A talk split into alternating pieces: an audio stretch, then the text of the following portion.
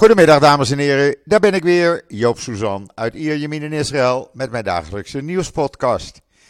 Ja, zondag, een nieuwe week, de eerste dag van de werkweek en uh, de eerste dag van een nieuwe podcast deze week. Eerst maar even het weer, want ik heb weer genoeg te melden. Ja, het is uh, een voorbode van de kou die er aankomt. Het is een graad of 14, het is bewolkt, af en toe een zonnetje. Er staat een koude, snerpende wind, zuidwestenwind. En uh, vanaf morgen, ja, zo rond het middaguur, zegt men, breekt uh, de nieuwe winter los. Dat wil zeggen, wat we verleden week hebben meegemaakt, was nog maar een voorproefje, zegt men, van wat we deze week krijgen tot en met woensdag. Nou, we gaan het meemaken, we gaan het zien. Uh, de kachel is aan kan er ook niks aan doen. 18 graden en dan blijft het tenminste een beetje lekker in huis. Ja, en dan uh, het nieuws in Israël, want er is weer van alles gebeurd. Uh, afgelopen nacht heeft de IDF en de Veiligheidsdienst zeven terreur terreurverdachten gearresteerd. Uh, het zijn mensen die op het lijstje stonden. En je kan het allemaal zien en de video bekijken in israelnieuws.nl. Dan zes verrassende geheimen van de economische veerkracht van Israël. Want ja, de Economist uit Engeland heeft de economie van Israël beoordeeld. En men zegt, volgens de Economist, is Israël de vierde best presterende economie van alle OESO-landen over, 19, over 2022. Nou, dat is uh, toch wel bijzonder. En waar ligt dat dan aan? Nou, professor Michael Humphries zocht het allemaal uit. En uh, het staat in uh, israelnieuws.nl. En dan gisteravond demonstraties in heel Israël tegen de regering Netanyahu voor de vijfde week op rij demonstraties tegen uh, de verandering van het gerechtelijk systeem, waarbij het Hoge Rechtshof niets meer te vertellen heeft en de Knesset alles. Er waren demonstraties niet alleen in Tel Aviv, maar ook in Haifa, Beersheba, Ashdod, Jeruzalem, Kfar Modeim en ook in Ir Yamin. Jawel, het uh, Likud-bolwerk Natanja, uh, Ir Yamin, uh, daar stonden enkele duizenden mensen bij mij op de hoek. Ik ben daar ook naartoe gegaan met Mickey. Je kan Mickey horen demonstreren in de video trouwens. En er waren zo'n uh, ja, ruim 100.000 mensen in totaal die de kou trotseerden, de wind trotseerden en toch gingen demonstreren. Het gebeurt allemaal in een gemoedelijke sfeer. Er is geen haat, er is geen nijd. Uh, toen wij daar buiten stonden, hier op de hoek. Auto's die langs reden, toeterden uh, uit support. En in Tel Aviv, ja, daar is natuurlijk de grootste. Daar was de voormalige Israëlische politiecommissaris Ronnie Als, Als, Alsheik. Uh, die uh, sprak op het Habimaplein.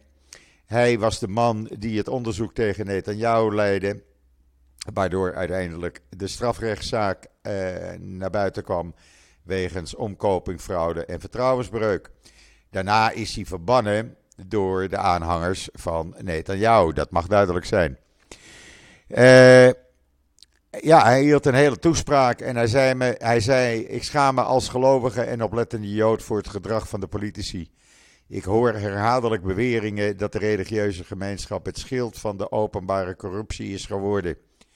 En hij riep zijn medereligieuze Zionisten en rabbijnen op, die hem privé zeggen dat ze tegen de hervormingen zijn, uh, om daarmee naar buiten te komen. Spreek je uit, zei hij. Uh, hier in uh, Ierjamin waren ook toespraken, er was ook muziek. Mensen stonden met vlaggen. Je kan de video zien, je kan de foto's zien. Zoals overal in Israël. En wat mij opvalt, dat er in steeds meer plekken, steden, gedemonstreerd wordt. Uh, dat is echt een doorsnee van het land. Het zijn niet alleen uh, linkse uh, Israëli's, wel nee. Er zitten rechtse Israëli's bij, er zitten orthodoxen bij, geen orthodoxe seculaire. Het is een doorsnee van heel Israël. En wat men eigenlijk wil, het is precies wat de burgemeester van Tel Aviv zei, Ron Huldai. We vechten voor ons huis, een zionistische, joodse en democratische staat. En daar heeft hij gelijk aan. We willen niet dat onze democratische rechten beperkt worden. We willen niet dat ons stakingsrecht beperkt wordt, want daar is men mee bezig. Uh, te beginnen bij de publieke uh, uh, organisaties die niet meer mogen sta staken. Men wil niet beperkt worden in de vrijheid en men voelt dat. En ik zag ook gisteravond bij mij op de hoek, het was echt een doorsnee van wat er in Ierjamin leeft. En dan een eerste peiling door Channel 12 gehouden. Eh, na de verkiezingen, dat is de eerste peiling na de verkiezingen. Daar blijkt uit dat de Likud twee zetels zou verliezen als er nu verkiezingen zouden zijn. Eh, het, het rechtse blok gaat dan, uh, doordat de Likud op 30 zetels komt, naar 62 zetels. Nog steeds een krappe meerderheid. Lapid houdt ze 24 zetels. Gans heeft er eh, zetels bij gewonnen en staat twee zetels, staat nu op 14. Wat opvalt trouwens, en daardoor is het uh, andere blok, we hebben dus het rechtse blok en het centrum, rechtse centrum, linkse blok van Lapid Gans. Dat heeft geen meerderheid kunnen behalen. En waarom niet? Omdat uh, Meretz weliswaar nu de kiesdrempel haalt met vier zetels, maar nu Labour de kiesdrempel niet haalt. Hadden ze die vier zetels erbij gehad van Labour, dan hadden, had uh, het blok Lapid Gans een krappe meerderheid gekregen. Of misschien hadden het op, 62, op 60-60 uitgekomen. Maar goed, het is wat het is en we kunnen zien wat het binnenkort gaat worden. Ook werd gevraagd in diezelfde peiling aan de deelnemers. Denken jullie dat de juridische hervormingen de economie van Israël zal schaden? 54% is daar bang voor. Dat is veel. 36% zegt niet bang daarvoor te zijn. En hoewel het plan voorlopig in de ijskast is gezet, eh, werd er ook gevraagd wat ze vonden van de sluiting van de publieke omroep. Zoals bekend wilde de Likud-partij de kan uh, Channel 11 uh, eh, sluiten, de publieke omroep omdat ze anti-Likud zijn. 61% van de ondervraagden zei tegen de sluiting te zijn. Terwijl slechts 12% zegt, nou, mag wel gesloten worden. Opvallend is dat onder de Netanyahu-kiezers 41% tegen sluiting is. Dat is toch wel erg veel, zou ik zo zeggen. Ja, en dan is er hier op het ogenblik heel veel te doen over Zeev Raz. Zeev Ras is een uh, gevierd uh, uh, IDF-piloot. Hij nam deel aan het bombarderen van de kernreactor in 1981 in Irak. En hij is echt gevierd. En hij had een verklaring uitgegeven. waarin hij zei dat als, als verkiezingen wijzen op Nee, ik moet het anders zeggen. Hij had gezegd letterlijk, als een premier, en dan moet ik het even goed zeggen, want anders, ik wil het niet fout doen. Als een premier opstaat en dictatoriale bevoegdheden voor zichzelf op zich neemt, is hij een dode man. Zo simpel is het. Dat had hij op Facebook geschreven. Daar is de politie een onderzoek naar gaan uh, uh, starten gisteravond. Hij heeft inmiddels die post teruggenomen. En hij heeft verklaard dat hij het niet zo bedoelde. Maar goed, er is natuurlijk, het is een dreigement. En ja, als je dan zegt, als een leider zich dictatoriaal gedraagt en er een verplichting is hem te doden. Ja, dat is natuurlijk niet helemaal goed. Maar het toont wel aan hoe de sfeer op dit moment in Israël, in Israël is. Hij zei dan gisteravond, ik identificeer me niet met die post. Maar hij heeft het wel gezegd natuurlijk. Want ja, voorafgaand aan de moord op uh, Yitzhak Rabin in 95 door uh, uh, Yigal Amir, zeiden sommigen uit de religieuze sionistische gemeenschap dezelfde woorden. En dat kan natuurlijk niet. Dat kan natuurlijk niet. Maar ja, die golf van verharding die wordt steeds groter en groter. En welke kant dat opgaat, ja. Eh, ik kan me voorstellen dat Netanyahu een verklaring heeft uitdoen uh, gaan waarin hij zei: we hoorden een duidelijke levensbedreiging tegen de premier van Israël en dat heeft alle grenzen overschreden. Uh, hij uh, riep de politie op om ook dat onderzoek tegen uh, Evras te doen wegens opruiing. ja, maar dat heeft natuurlijk ook te maken met de hele sfeer die er op het ogenblik is. De, ook de wijze waarop Netanyahu alle uh, uh, kritiek van economen, van Nobelprijswinnaars, van wie dan ook, alle bekende experts in de wind slaat. Dat kan natuurlijk niet. Dan krijg je een verharding. En als je dan gewoon doorgaat met te doen waar steeds meer mensen op tegen zijn, ja, dat moet je niet doen. Dan gaat het hartstikke fout. En uh, dat kan gewoon niet. Daar moet je mee stoppen op een gegeven ogenblik. Uh, maar goed, uh, Netanyahu wil, wil daar niet mee stoppen. Hij wil doorgaan met veranderingen. Ja, dan krijg je een steeds hardere mentaliteit hier in Israël. Wat ook opvalt is dat Netanyahu de afgelopen woensdag verschillende kredietratingsbureau heeft gebeld en hun gevraagd om alsjeblieft de kredietrating rating van Israël niet uh, te verlagen. Normaal is dat het werk van uh, economen van het ministerie van Financiën of zelfs de gouverneur van uh, de Bank of Israël, maar niet van de premier. Het toont een beetje de angst die Netanyahu nu heeft. Want JP Morgan bijvoorbeeld heeft vrijdag een bericht doen uitgaan dat de gerechtelijke hervormingen in Israël slecht voor de economie zijn en dan rest er niets anders om de kredietrating van Israël te, te verlagen als die plannen doorgaan. Ja, dat zou natuurlijk heel slecht zijn. Want steeds meer mensen uh, zijn ook bereid hun geld hier van de banken af te halen en uh, naar het buitenland over te brengen. Zo'n 30% zegt dat ze van plan zijn dat te gaan doen en dat zal binnenkort wel meer worden. En wat hebben we nog meer meegemaakt? Nou, gisteravond was uh, er een drone boven Gaza richting Israël. En die werd uit de lucht geschoten door de Iron Dome. Uh, het was nog steeds niet duidelijk, ook vanmorgen niet, wat die drone nou precies van zins was. Maar het was een uh, Hamas of Palestijnse jihad drone. En inwoners van Zuid-Israël in de omgeving van Sederot uh, die melden dat ze een hele grote luidende explosie hebben gehoord. Nou, uh, op dit moment, nu ik deze podcast opneem, is het nog steeds niet bekend wat het nou precies was. En dan in de uh, Haaretz een analyse van Alon Pinkas. En Alon Pinkas is een gevierde analist hier in Israël. En die vraagt zich af: denkt u dat Israël zich in een constitutionele crisis bevindt, nou, dan heb je nog niets gezien.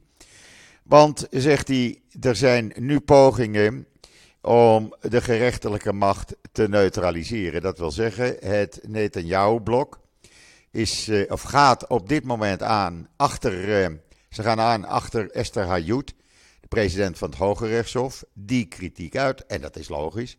En die wil men weg hebben. En wat ze ook willen is de procureur-generaal Gali Baharaf Miara weg hebben. Omdat zij heeft gezegd, afgelopen vrijdag of donderdag was het, dat Netanyahu zich niet mag bemoeien met die gerechtelijke hervormingen. En waarom mag hij zich daar niet mee bemoeien?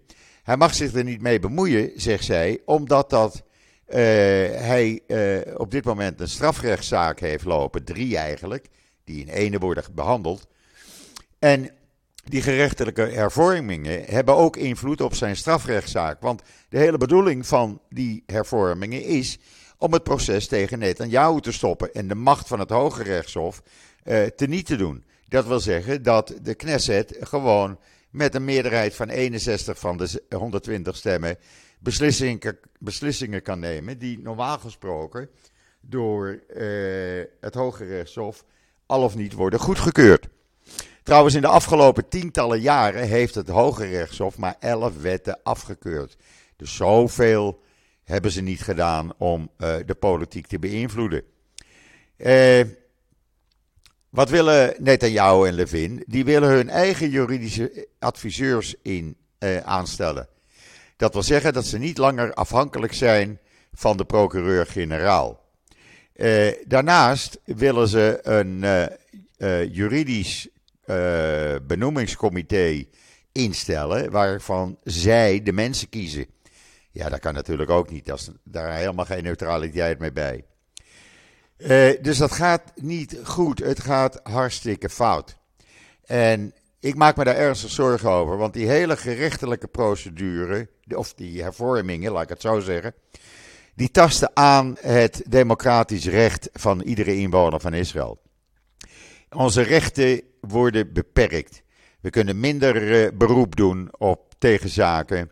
Daarnaast is men bezig het stakingsrecht te beperken, eh, te beginnen met eh, publieke organisaties. Ja, dat is allemaal aantasting van de democratie. En ik denk dat ook in andere landen, laten we zeggen in Nederland, als de regering zou zeggen je mag niet meer staken, dat men in opstand komt. Dat is aantasting van je vrijheid. Dat kan gewoon niet. Dus ja, het verhardt. Het wordt alleen maar harder. En daar mag iedereen zich best zorgen over maken. Want ja, het gemoedelijke sfeertje, dat is dan even zoek. Laten we dat zomaar even noemen. En er was er gisteravond ook nog een interview. Ik heb het even teruggezien. Met de extreemrechtse minister van Nationale Veiligheid, Ben Gwier. En die uh, heeft gezegd als. Uh, hij niet in staat zou zijn om invloed uit te oefenen op eh, het beleid van de regering, hij de regering zou verlaten. Nou, daar geloof ik geen donder van, want deze man is veel te machts, machtsbelust. Uh, hij heeft zichzelf een deadline van drie maanden gesteld. Nou, daar is er inmiddels één van op. En uh, we zullen zien, hij wil de doodstraf invoeren voor terroristen. Hij wil de instelling van een burgerwacht.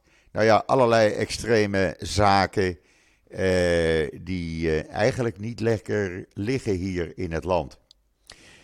Uh, we gaan het meemaken. Voor mij mag hij weg. En dan heeft het blok Netanyahu ook geen meerderheid meer. Dus dan is dat probleem meteen opgelost. En dan de voormalig directeur, of gouverneur heet het hier, van de Bank of Israël. Die had gisteravond ook een interview op Channel 12. En die hekelt Netanyahu en zijn club eh, voor het negeren van de waarschuwingen over het economisch gevaar van die gerechtelijke herzieningen. Jacob Frenkel is niet zomaar iemand. Hij was eh, gouverneur van de Bank of Israël. Hij eh, was economisch adviseur van de regering Netanyahu een aantal jaren geleden. En hij zei: Ik ben zeer verrast door wat Netanyahu aan het doen is, zei hij op Channel 12. Als JP Morgan een aanbeveling doet, nou neem die dan maar heel serieus, zei Frenkel. Want uh, zij beheren meer dan 3 uh, miljard, nee, 3 biljoen dollar wereldwijd. Uh, en zij, ja, zij vergelijken de situatie van Israël, wat Israël nu aan het doen is, met die van Polen. En in Polen hebben ze ook de kredietrating behoorlijk verlaagd. Eh, dan gaan de prijzen omhoog. Dan kan het land geen geld meer lenen of alleen tegen hogere rentes. En dat is gewoon nog slechter voor de economie. Uh, hij zegt, de premier met wie ik werkte, en dat was net aan jou, was voorzichtig. Nam geen risico. Hij zegt, en als ik dan nu de premier zeg, zie, die gewoon alle risico's neemt, die adviezen van Nobelprijswinnaars en de top-economen wereldwijd in de wind slaat, ja, eh, dan eh, bestaat het gevaar, zegt Frenkel, dat alles wat we bereikt hebben, dat we dat verliezen. En dat gaat veel sneller als dat eenmaal in gang is gezet eh, dan men denkt en verwacht. Hij zegt, en ik, eh, voor het publiek wil ik zeggen, dit is niet het moment, moment van paniek. Dit is het moment om te eisen dat er gehoor wordt gegeven aan de waarschuwingsadviezen. Want op deze manier ga je geen hervormingen doorvoeren. Hij zegt: Netanyahu en ik voerden een hervorming door van de Israëlische valutamarkt. Dat deden we goed. Het gebeurde geleidelijk, het gebeurde met transparantie. Het was een heel proces. Niet diep, niet snel, maar het gebeurde. En dit, dit is diep, dit is snel en alles wordt in de wind geslagen. Het getuigt van minachting voor deze kredietorganisaties. Ja, als Netanyahu en de minister van Justitie en economen daar niet naar, eh, naar luisteren, ja, eh, dan helpt misschien alleen maar nog grotere demonstraties. Want het kan toch niet zijn dat het hele land gewoon kapot wordt gemaakt. En dan is overleden Seva Wijs. Seva Wijs was een holocaust-overlevende, maar ook voormalig voorzitter van de Knesset in de periode van uh, Rabin. En hij stond ook naast Rabin op het podium, uh, minuten voordat Rabin vermoord werd. Hij overleed gisteren, zaterdag dus op 87-jarige leeftijd. Hij was ook ambassadeur in Polen. Hij werd geprezen voor het verdiepen van bilaterale banden tussen naties en leidde de raad van het van. Staat allemaal in Times of Israel. Hij wordt later vandaag begraven. En dan Bennett gaf een interview. Die is met een soort podcast begonnen voor zichzelf. En in de eerste podcast zei hij dat Poetin hem verzekerde dat hij Zelensky niet zou vermoorden. Uh, misschien herinneren jullie zich, uh, Bennett toen hij premier was verleden jaar, ging hij naar uh, Poetin toe om te proberen te bemiddelen. En hij was vijf uur, of hij was een lange tijd bij Poetin. En hij gaf een interview gisteren aan Channel 12 en ook een soort podcast. podcast. Staat op YouTube, maar het is in het Hebreeuws, dus daar hebben jullie niks aan. En ja, uh, eens kijken wat. Uh, hij zegt: ik kon het niet beëindigen, de vijandelijkheden. Maar ik slaagde er wel in, zegt hij, om die belofte van Poetin te krijgen dat hij Zelensky niet zou vermoorden. Dat was op, in de tijd dat Zelensky in een geheime bunker verstopt zat. Je kan dat interview lezen in de Jeruzalem Post vanmorgen. En dan heeft Israël weer eens een keer goud gewonnen met judo. Gili Sharir ze won goud op uh, het Grand Slam in Parijs. Hoe mooi is dat? Daarnaast was er een uh, andere judoka, Gaven Primo. En zij won uh, brons in de categorie onder 52 kilo. Ze doen het toch weer goed, de dames. En dan de Israëlische ambassadeur in Zambia. En dit vind ik een raar verhaal, want ze loopt toch met bodyguards en alles. Uh, die is uh, vorige week op straat beroofd. Stopte een auto naast haar. En de overvallers gingen er vandoor met haar diplomatieke paspoort en haar mobiele telefoon. En de uh, bodyguards waren te laat met ingrijpen. Heel raar. Ze raakte licht gewond, maar kon toch haar werkzaamheden voortzetten. raar verhaal staat in de Times of Israel. En dan, Netanyahu heeft een idee. Ja, ik weet niet wat we daar nou van moeten denken. Het komt bij Musk eigenlijk vandaan. Die had een visie om de files te voorkomen door allerlei tunnels onderwegen te maken. Waardoor uh, files zouden verminderen. Uh, en Netanyahu heeft nu het idee voorgesteld om een netwerk van ondergrondse snelwegsystemen onder de westelijke Jordaanoever te maken. Uh, waarbij uh, ja, eigenlijk zeg maar niemand meer over de Westbank hoeft te rijden. En Palestijnse en Israëlische auto's uit elkaar blijven. Het moeten een soort hoge snelheidstunnelroutes worden. Uh, ja, ik weet het niet. Ik weet niet of dit uh, gaat helpen. Trouwens, als het al zou worden aangenomen, dat plan. Ik kan me niet voorstellen dat dat even morgen gedaan is. Daar gaan jaren overheen. En dan moet er toch al lang sprake zijn van een vredesakkoord, laten we dat zo maar zeggen. En dan uit een onderzoek van het Taub Center, en ik heb dat wel eens eerder gehoord, het staat in de Times of Israel vandaag, blijkt dat de Israëli's die, die leven in rijke gebieden uh, 20% lagere kans op sterfte door kanker hebben dan uh, mensen die in gebieden met een gemiddeld inkomen leven. Ze hebben de kankerstatistieken uit het hele land geanalyseerd. En ze vonden duidelijk patronen door het hele land.